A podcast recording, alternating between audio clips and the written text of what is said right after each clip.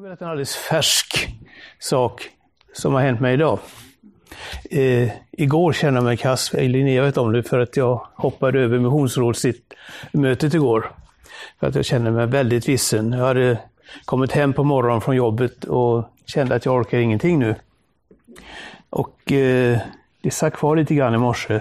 Och jag gjorde faktiskt så jag sa till Herren att jag ska ju tala om helande idag, inte passar det att jag får säga bort, ta bort, eh, säga av det då när, när vi har annonserat det här. Och han har hört bön. Eh, lite skrovligt i rösten, annars hur pigg som helst. Ja, alldeles färskt alltså, upplevt idag. Ja, eh, det är underbart det här med att vi får be för varandra, får be för sjuka och även andra behov. Eh, för er som inte var med förra gången, det kanske var någon eller ett par av er, så gjorde vi en liten ändring i det planerade programmet. Eh, vi la till ett undervisningspass nästa torsdag också och flyttade förbundskvällen en vecka då till den 27. Så ni vet det. Eh, men som jag sa förra gången, inte måste någon vänta till den 27 innan vi ber för det, utan det kan vi göra när vi är tillsammans. Så ni vet det. Och det här med att be för folk, det är ju någonting som är en förmån som vi får med om. Eh, jag pratade med Olof från Baptistkyrkan eh, för någon vecka sedan och då berättade han just att de ett par dagar innan han och någon mer hade varit ute och bönevandrat på stan här och de fick be för en dam i entrén till Östenssons här som inte mådde bra. Alltså mitt ute i vardagen att sånt händer. Eh, jag berättade förra veckan om kvinnan som Margot och jag fick be för Eh, utanför Affärscentrum i Charlottenborg. Det var drygt ett år sedan, det var när vi bönevandrade i eh, Charlottenborg. Den gången var det bara vi två som kom, så vi bönesatt istället på en av bänkarna framför entrén. Och så kom en kvinna där som jag känner en del genom mitt jobb. Så hon frågade vad vi gjorde där och vi berättade för henne. Och då sa hon, då kan ni be för mig för hon mådde inte bra. Eh, jag träffade henne bara några dagar efteråt och då sa hon, jag mådde mycket bättre efter det att ni bad för mig. Eh, sådana saker som händer mitt ute i vardagen. Är det någon som kommer ihåg hur man stavar till tro? Det sa vi förra veckan. R-I-S-K ja. Eh, det var inte från mig, utan det läste jag i en bok av en som heter John Wimber en gång. Att man stavar tro på det, alltså man vågar liksom ta fasta på löftena, man vågar ta ett kliv ut. Och eh, Det är lite grann det där att gå på vattnet. Alltså bär det eller bär det inte, man kanske är lite tveksam men man får våga och så får man se att Gud verkar.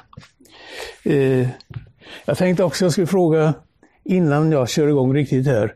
Är det någon av er som har upplevt någonting eh, där du själv har blivit helad eller du har varit med om kanske någon annan? Är det någon som skulle vilja berätta en sån händelse här? får ni gärna göra. Det är alltid trostärkande att höra andras vittnesbörd.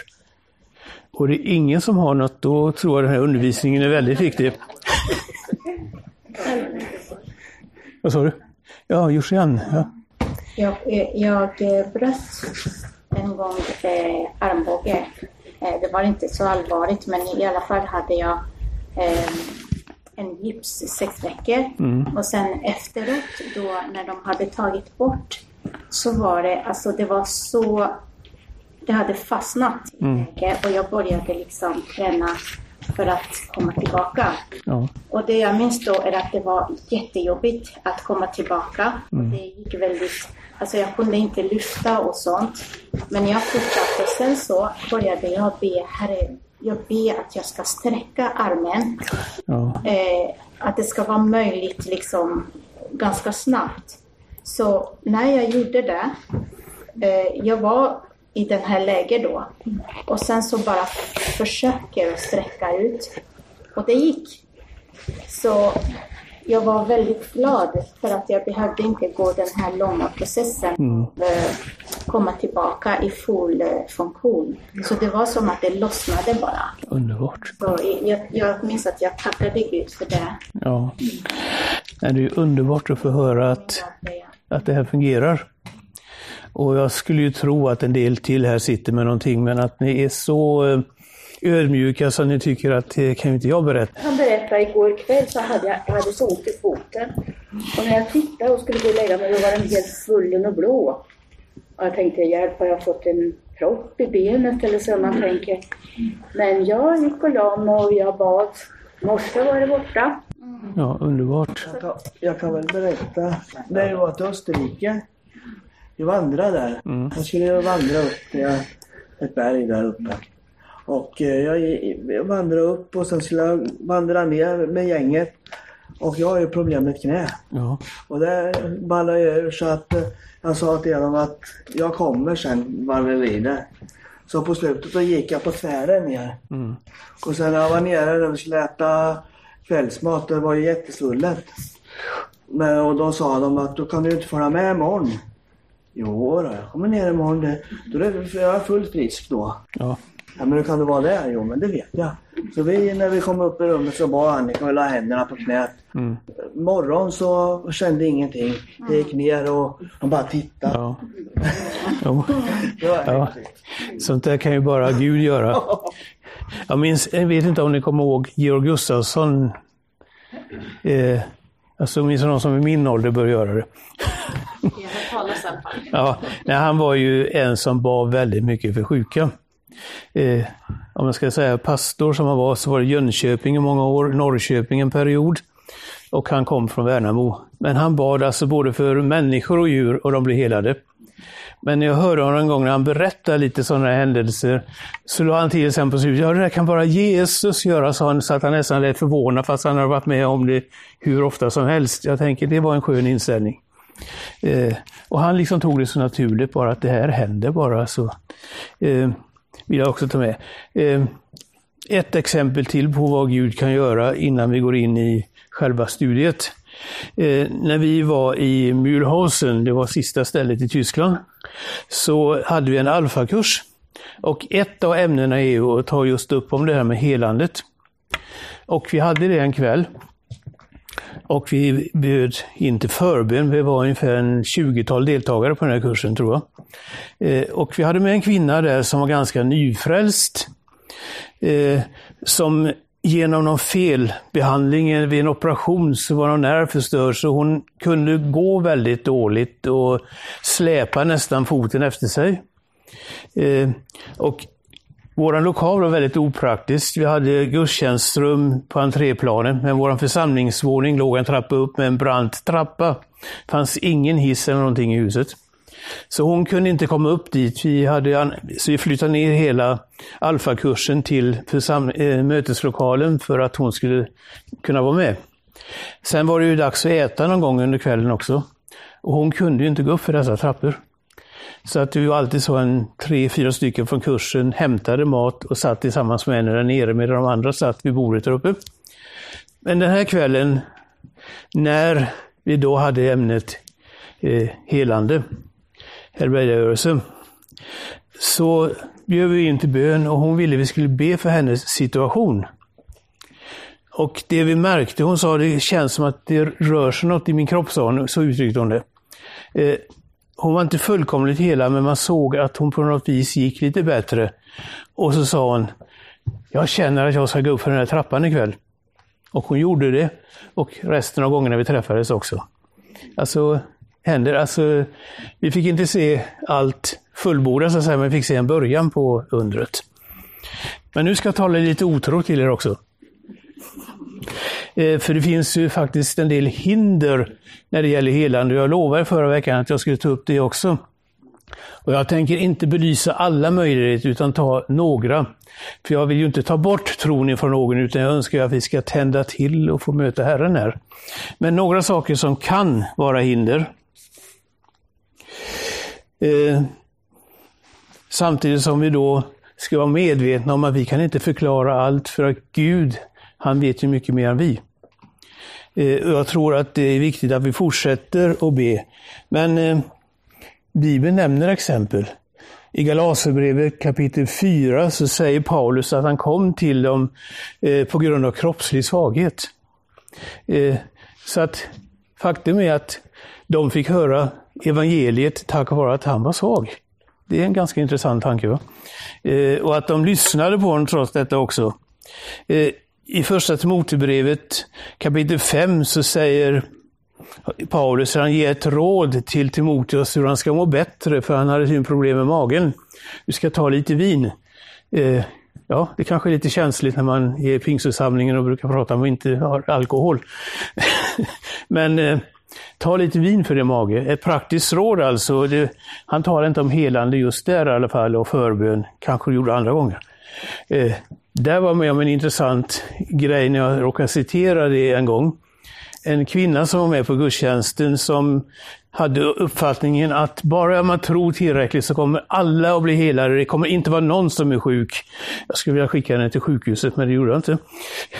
Eh, hon säger då när jag tar det här, och liksom tog det som exempel på att det faktiskt ibland, även i Bibeln står så här. Ja, då hade väl Paulus en dålig dag när han skrev det där. så, jag menar, så sån uppfattning kan finnas. Men, eh, men det finns alltså tillfällen, även Bibeln visar på att de fast de är på vägen så händer inget. Eh, och likadant nämner Paulus någon som heter, Tro, eh, ska se om jag säger namnet rätt, Trofimus i Andra Timoteusbrevet 4. Att han lämnar kvar honom sjuk i Miletus. Alltså, så det verkar att det fanns ju på den tiden med. Det var inte så att nu är det full fart här. Och det jag tror är viktigt när vi upplever sådana här saker, det är ju att vi inte pressar på på den som lider och är sjuk och liksom kräver en tro som ingen klarar av. Utan att vi finns där med uppmuntran, med förbön, eh, samtal och eh, liksom stöttar personen även om det inte har blivit ett helande. Jag tänker att det är viktigt att få med det. Det finns ju i Gamla Testamentet en bok som heter Jobb och där har vi praktexempel på hur man inte ska bete sig.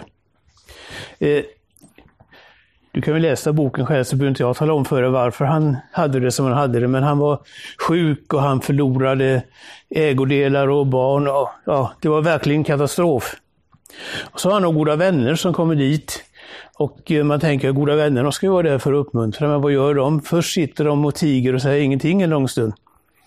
Alltså tänk dig att de kommer om du är sjuk och mår dåligt och så sätter sig någon där och säger ingenting. Alltså det skulle ju åtminstone för min del vara frustrerande. Och när de väl börjar prata så är det liksom att de börjar pressa honom. Eh, du måste ha gjort någon synd eftersom du har hamnat i det här. Eh, och vi som har facit i hand vet ju att det var inte orsaken. Han levde rättfärdigt och, och, och verkligen levde för Herren. Och han lämnar inte det trots sin svåra situation. Men de här vännerna liksom säger det måste vara något, det måste vara något. Det är inte heller rätt. Man kan ju pressa någon så att det blir jättesvårt för en. Eh, vi har ett nytestamentligt ord som jag gärna vill läsa. Vi läser ofta i samband med förbön för sjuka, men som också kan kopplas ihop i det här sammanhanget. I Jakobs brev kapitel 5, verserna 14 och eh, 15. Är någon bland er sjuk skall han kalla på, kalla på församlingens äldste och de ska be över honom och i Herrens namn smörja honom med olja. Trons bön ska bota den sjuke och Herren ska resa upp honom. Och har han begått synder skall han få förlåtelse för dem. Bekänn alltså era synder för varandra och be för varandra så att ni blir botade. Eh, där, om man läser lite snabbt kan man ju läsa in att ja, han hade syndat. Och att därför måste han göra bekänna. Men det står faktiskt inte så om ni tänker efter. Har han begått synder, stod det i den här översättningen. Andra säger om han har. Jag tror det är viktigt att lägga märke till de där små detaljerna och orden i texten för att inte hamna fel och börja pressa någon. Och sen är det intressant med bekännelsen för att det verkar som både förebedjaren och den sjuke skulle bekänna om det var något. Eh, kan vi fundera på varför? Kan det vara så att de hade haft någon konflikt mellan varandra där de ville reda ut? Eller vad det nu handlar om. Men det fanns alltså med, men det säger inte att det är synd som orsakar varje gång. Det finns ju grundsynden i syndafallet, men det här personliga. Eh, Jesus tar ju också upp det i samband med att en blind blir helad. Eh, när de frågar var det hans föräldrar eller han som hade syndat. Och Jesus säger varken han eller föräldrarna, utan det var för att Guds härlighet skulle bli uppenbarad. Alltså, jag tror det är bra att få med de bitarna också när vi tänker på det här budskapet. Så även om det inte är så uppbyggligt just den här biten så tror jag ändå att det är bra. Sen finns det i Johannes kapitel 5, vers 5, och det finns på fler ställen, så frågar Jesus den sjuke, vill du bli frisk? kan man ju tänka att det är självklart. Eh, Jesus måste ju veta vad han behöver. Han behöver inte ens fråga om han vill, utan han förstår väl att kommer en blind till exempel, så är det klart att det är det han vill. Att han ska bli frisk. Att han ska se. Men eh, Jesus tror jag ställer den frågan dels för att han vill ha en tillbakakoppling till den det gäller. Att vill du verkligen möta mig? Vill du ha det här? Och det finns människor som, när de tänker efter, säger nej det vill jag egentligen inte. Jag har själv träffat en som hade varit eh, sjuk i stort sett hela sitt liv och säger till mig, nej jag vill inte att du ber att jag blir helad för jag vet inte hur jag ska klara av ett nytt liv. Eh, andra kanske tänker på att, ja, hur går det då eh, med den medkänsla jag får från andra människor? Hur går det med eh, omsorgen, med att jag blir uppmärksammad?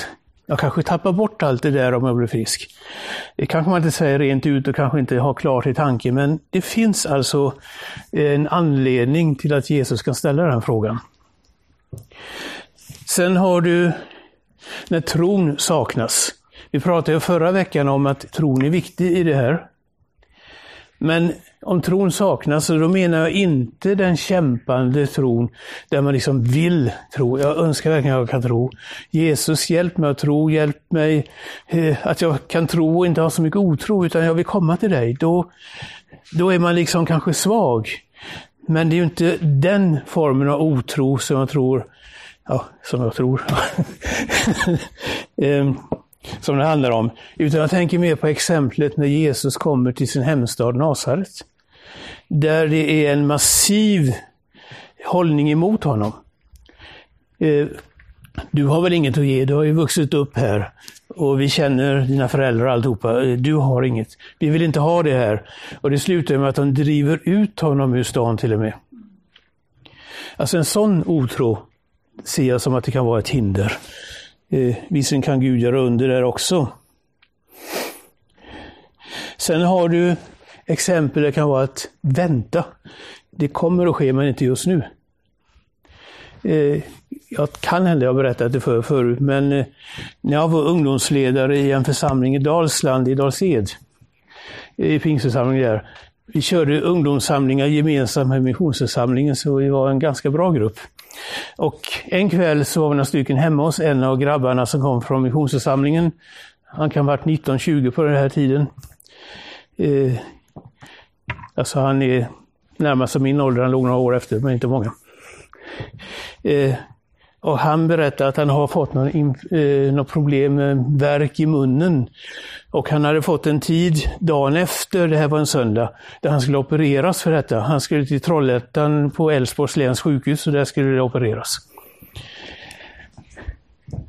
Och vi ber för honom. Vi har en sån övertygelse den kvällen att han blir helad. Alltså det var ingen som kunde fått att stå och tvivla efter den bönestunden. Därför var besvikelsen väldigt stor på måndag eftermiddag middag när han dyker upp hemma, för han skulle inte varit hemma så tidigt. Eh, vad är det som har hänt Lars? Ja, jag hade fått en infektion som gjorde att de inte kunde operera. Eh, så jag har fått en ny tid längre fram. Det intressanta var att han låg ju ändå inne ett dygn där. Och då berättar han sen att det var en annan på det rummet som han kom i samtal med och fick vittna om Jesus och fick föra den personen till frälsning. Eh, och sen, ja då tackar vi Gud för det. Och sen när han fick den där tiden som han skulle ha som ersättning, då var han helt frisk. Mm. Så att eh, han kom alltså in på sjukhuset för att den andra skulle bli frälst. alltså intressant ibland hur Gud leder och verkar. Va? Eh, ska vi se, det var någon grej jag har noterat här med så fin handskrift så jag vet inte vad jag har skrivit där. Ja, det var nog inte så viktigt då. Men, eh, men det kan alltså ske i olika sammanhang och ibland förstår vi, ibland förstår vi inte. Det finns många olika möjligheter och jag ville bara ta ett par exempel vad som kan hindra. Men min avsikt var ju inte att slå om för allt som hindrar utan vi vill lyfta fram Jesu namn att han förmår. Att Gud kan. Eh, det är ju mycket viktigare men ändå få en liten uppfattning och givetvis förstår ni väl att det finns många, många fler grejer. Jag kan inte dra allt ikväll. En fråga som kan vara intressant det är vem får be för de sjuka? Vem kan göra det? Är det de som har gått fem år på teologisk högskola och så haft specialkursen eh, helande eller hur ser det ut? Hade ni det när du gick på eh, ALT? Eh, ja, man kunde välja en sån. Ja, men inte så lång tid är det. ja, nej, men det är klart att man kan få lära sig en del, men är det det som krävs för att jag ska kunna be för en sjuk? Nej, det skakar hon som har gått på skolan på huvudet, så då får vi ta det som bekräftelse. Eh, men eh, vi sa ju förra gången att det här med helande, det såg ut att höra till var- vardagen i den första församlingen. Eh, Det berättas gång på gång på gång och tittar jag på Jesu och hans tjänst så var det också någonting som ständigt hände. Eh, Så att det verkar så normalt så att man inte behövde uppmärksamma sig jättemycket. Men eh, vem som helst, ibland är det kanske pastorn, det är någon evangelist som får tjäna mycket på det sättet. Jag såg själv en gång en sån här kristen tv-sändning direktsänd från en gudstjänst i Mobile i USA.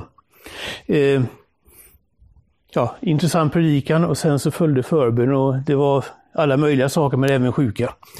Så kommer de fram med en liten kille, jag tror han var i femårsåldern, eh, fram till estraden där och vill att den här evangelisten ska be för honom.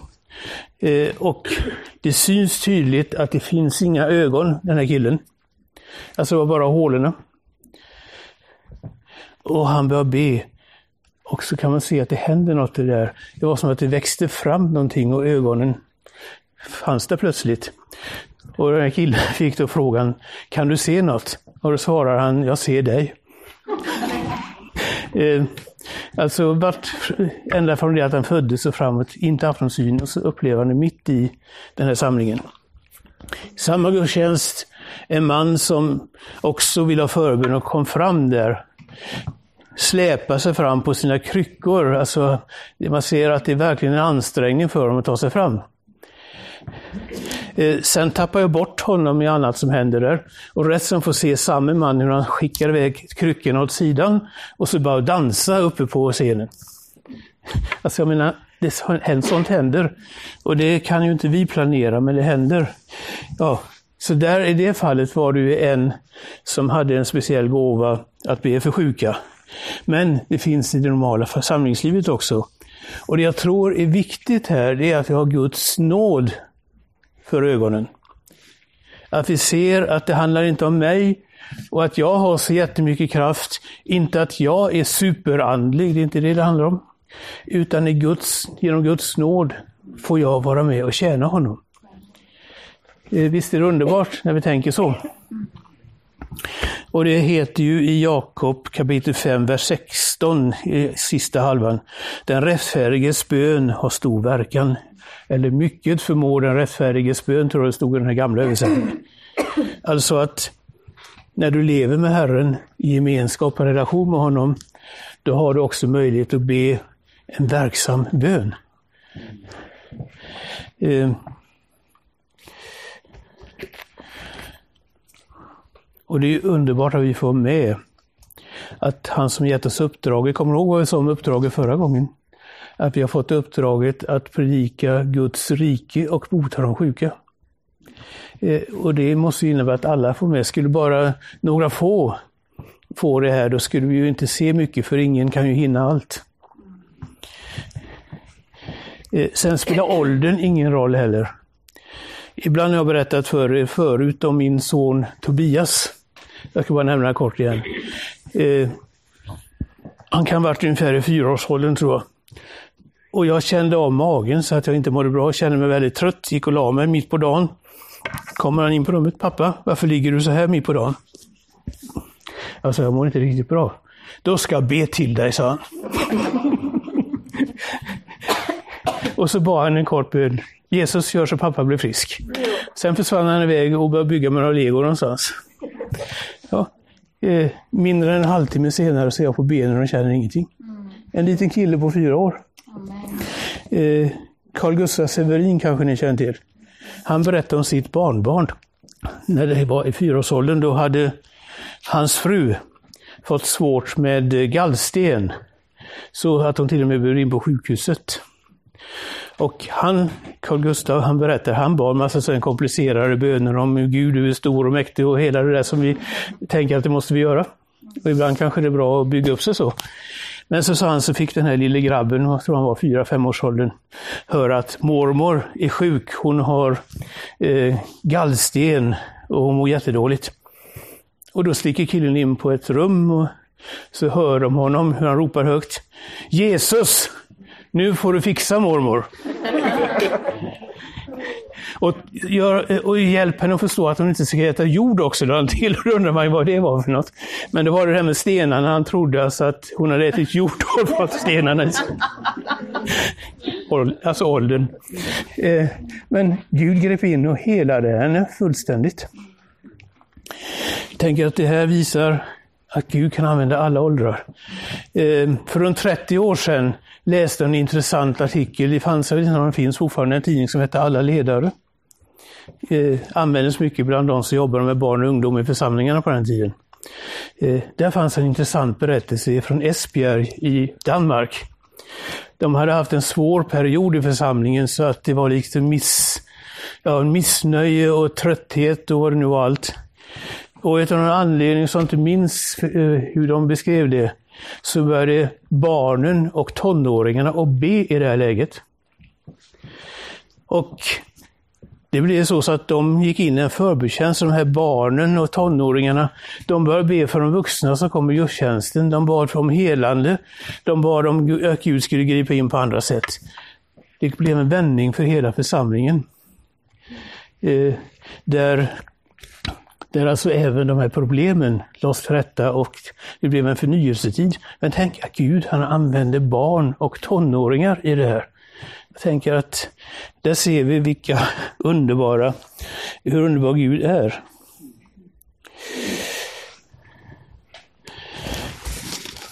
Så jag har gjort något visa, jag ska ändra ordningen här så gör jag.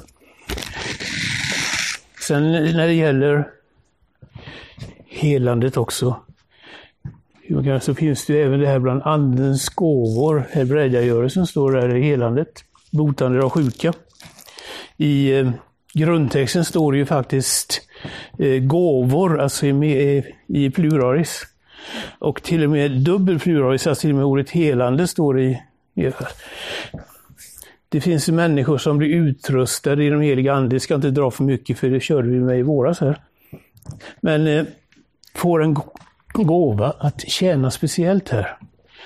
Eh, jag tror att man kan säga att man märker det när man ser att det ständigt händer något när en person ber.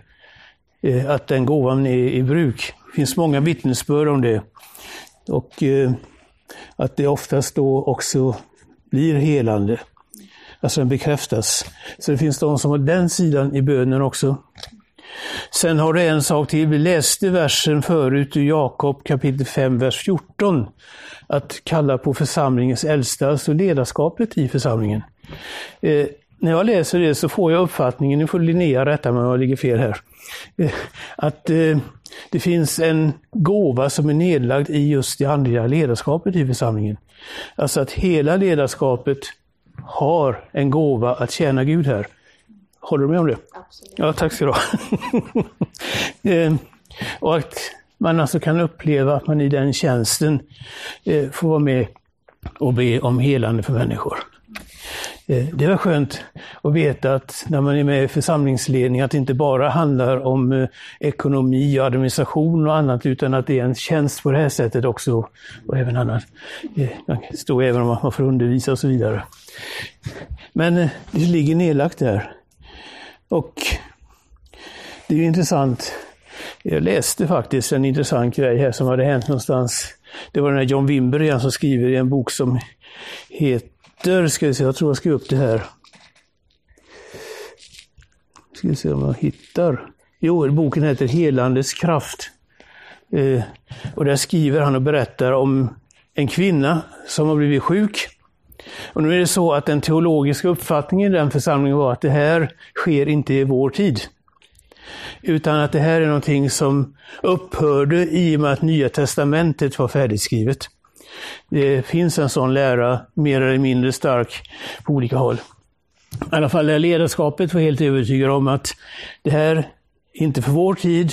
Vi har Bibeln komplett, det behövdes innan för att människor skulle få budskapet till sig.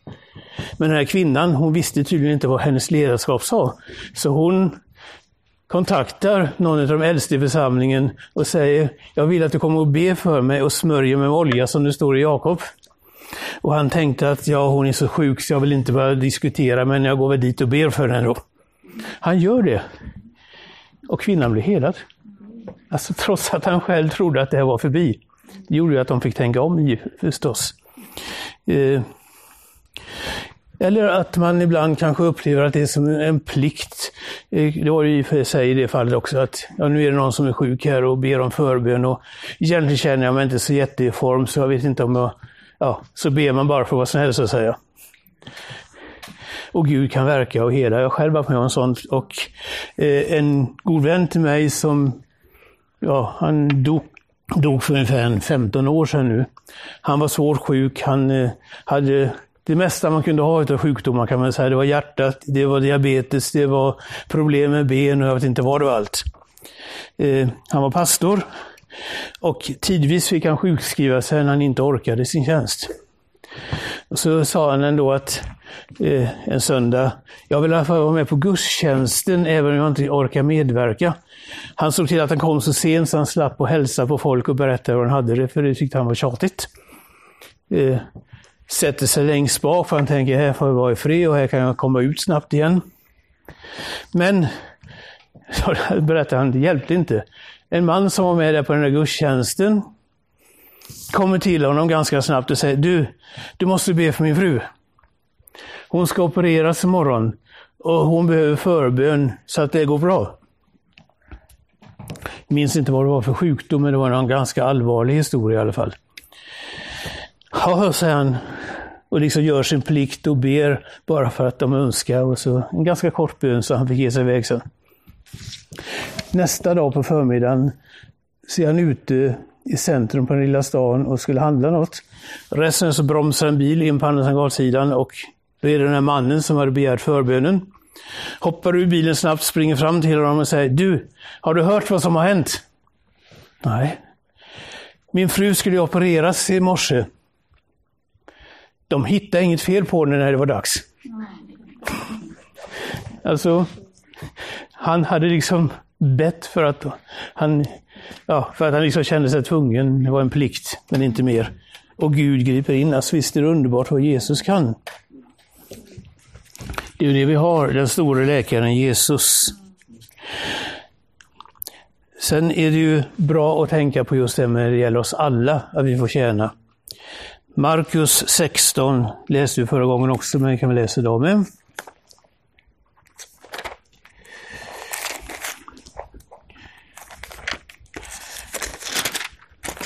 I vers, ska se här så jag säger rätt vers också ett ögonblick.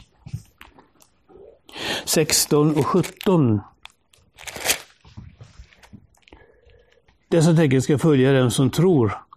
I mitt namn ska de driva ut onda andar, de ska tala med nya tungor, de ska ta ormar i händerna och om de dricker något dödligt gift skall det inte skada dem. De ska lägga händerna på de sjuka och de ska bli friska. Där kommer uppdraget och här är det riktat till den som tror. Det var ju flera grejer som kanske tycker är lite märkvärdiga i den versen också, men jag tänker att det handlar om speciella situationer eh, där man hamnar i någon situation där det händer någonting, alltså inte att man håller på och leker med det här. Men just den här sista meningen, det var den jag ville ha fram idag. De ska lägga händerna på de sjuka och de ska bli friska. Vi säger att det är en allmän kallelse. Så det ska följa dem som tror. Det står inte att det bara är några stycken som tror, utan de som tror. Något liknande har vi i, eh, ska se det första Petrusbrevet 2, vers 9. Jag tror det ska vara Petrus, jag har bara skrivit andra kapitlet, nionde versen, men inte anger vilken bok det var i mina notiser här. Det var lite slarvigt. Men eh, jag är nästan säker på att det var Petrus. Kapitel 2, vers 9 säger så här. Ni är ett utvalt släkte, ett konungsligt prästerskap och ett heligt folk, ett Guds eget folk för att ni ska förkunna hans härliga gärningar. Alltså här är det allmänna igen. Alltså det betyder alltså, för att tala klartext, att du får vara med och be. Du får göra det. Och du får göra det. Alltså jag kunde peka på varenda en här och resten av församlingen med. Det finns en kallelse nedlagd där vi får vara med och tjäna. Visst är det underbart? Eh, jag talade om detta en gång i en annan församling och det vart ett sånt jubel när vi kom in på det här. Tänk att jag får vara med. Eh, ni kanske känner till det så bra förut, för ni reagerar knappt. Men, det... men de var alltså riktigt så bega eh, övertygade begeistrade för att alltså det var många som var ganska nya i tron där, så att eh, det kanske förklarar saken. Men det är ju det underbara att vi får vara med. Att även om det finns speciella gåvor, speciella situationer där Gud använder människor på ett annat sätt, och ändå en av oss var med, så du kanske har någon som är hemma ikväll som inte orkade vara med för att han inte mår bra. Du kan få gå hem ikväll och be för den. Eh, du kan få be för någon du träffar på stan som säger att jag mår inte bra. Du kan få vara med om det i olika sammanhang. Eh, var bara öppen och låt dig ledas av anden. För vi har en stor läkare. Det finns en gammal segertonesång som börjar som att den store läkaren är här. Eh, Alltså, en, vilket innehåll egentligen. Och Det här får vi vara med om. Eh, det var vad jag hade för idag. Nästa gång, om en vecka, då tänkte jag ta upp bland annat hur vi kan be. Och var någonstans vi kan be. Lite sådana saker, det kommer lite annat också, men det hör till. Alltså hur kan vi be? Kan ni fundera på, för ni kanske kommer på saker som inte jag säger då, men men vi ska ta det lite grann också för att hjälpa varandra att tjäna. Och sen har vi då den här speciella förbundskvällen om 14 dagar. Men som jag sa när vi började, du måste inte vänta. Tänk varje gång vi möts så får vi be till Herren och be att han verkar. Så du kan få uppleva idag. Du kanske har gått och kämpat länge med någonting och tyckt att ja, jag vet inte om det hjälper om be ber en gång till. Jag måste citera en evangelist som besökte en församling där jag var med en gång. Han kom och sa, ja, om det inte har hänt något 99 gånger när jag ber så ber jag en hundrade också för det kanske är då det händer. Men alltså ha den här förväntande tron. Herre, du förmår, du kan, du är min läkare. Eh, ska vi ta en stund och be för varandra? Och är det någon som vill ha speciell förbön så gör något tecken eller kommer fram här så får vi be för dig. Eller du knuffar till en granne och säger be för mig. Det går också bra. Tack Jesus att vi får leva i detta, att du vill verka. Tack att eh, ja, vittnesbörd sker. Tack att vi framförallt har ditt ord som ger oss grunden för det hela. Tack att ditt namn är Jaberafa, alltså Herren, läkaren. Tack att eh, Jesus, att du är den store läkaren som förmår. Tack att det finns läkedom i dina sår. Tack att när du dog på korset och bar vår synd så bar du också våra sjukdomar och våra lidande, Herre. Jag bara ber att den som längtar ska få uppleva det här vidrörandet. Jag ber att vi ska få se en tid i vår församling eh, då människor upplever att det finns hjälp hos dig att få. Att det kommer att bli någonting som kommer att märkas här i vår stad, att du är verksam här Jesus. Jesus, jag vill be den bönen även för våra vänner i de andra församlingarna, att vi ska få uppleva en gemensam tid där vi ser dig verka på ett underbart sätt. Jag ber för var och en som vågar gå ut på vattnet här och ta de här stegen. Tack att du hjälper oss att inte frukta, att inte vara rädda. Eh, att vi inte håller på med alla funderingar på vad, hur är det om det inte händer något, utan att vi i förtroende till dig uttalar i bönen vad du vill, kan göra, Herre. Jesus, vi önskar att få se människor helade. Och nu vill jag be för mina vänner som är samlade här. Du vet vem som bär på något i sin kropp idag. Du vet den som har det jobbigt för att det är någonting som plågar ständigt. Det kanske är smärta, det kanske är eh, ja, allmänt dåligt mående. Men då ber jag att ingripa Herre. Du vet den som bär på djupa sår i sitt inre också på grund av saker som har hänt i livet. Tack att även där finns läkedom, Herre. Jag bara prisar dig. Tack Jesus att du möter oss idag. Tack att du är med den som verkligen vill söka ditt ansikte ikväll, Herre. Jag ber att det ska ske. Tack Jesus.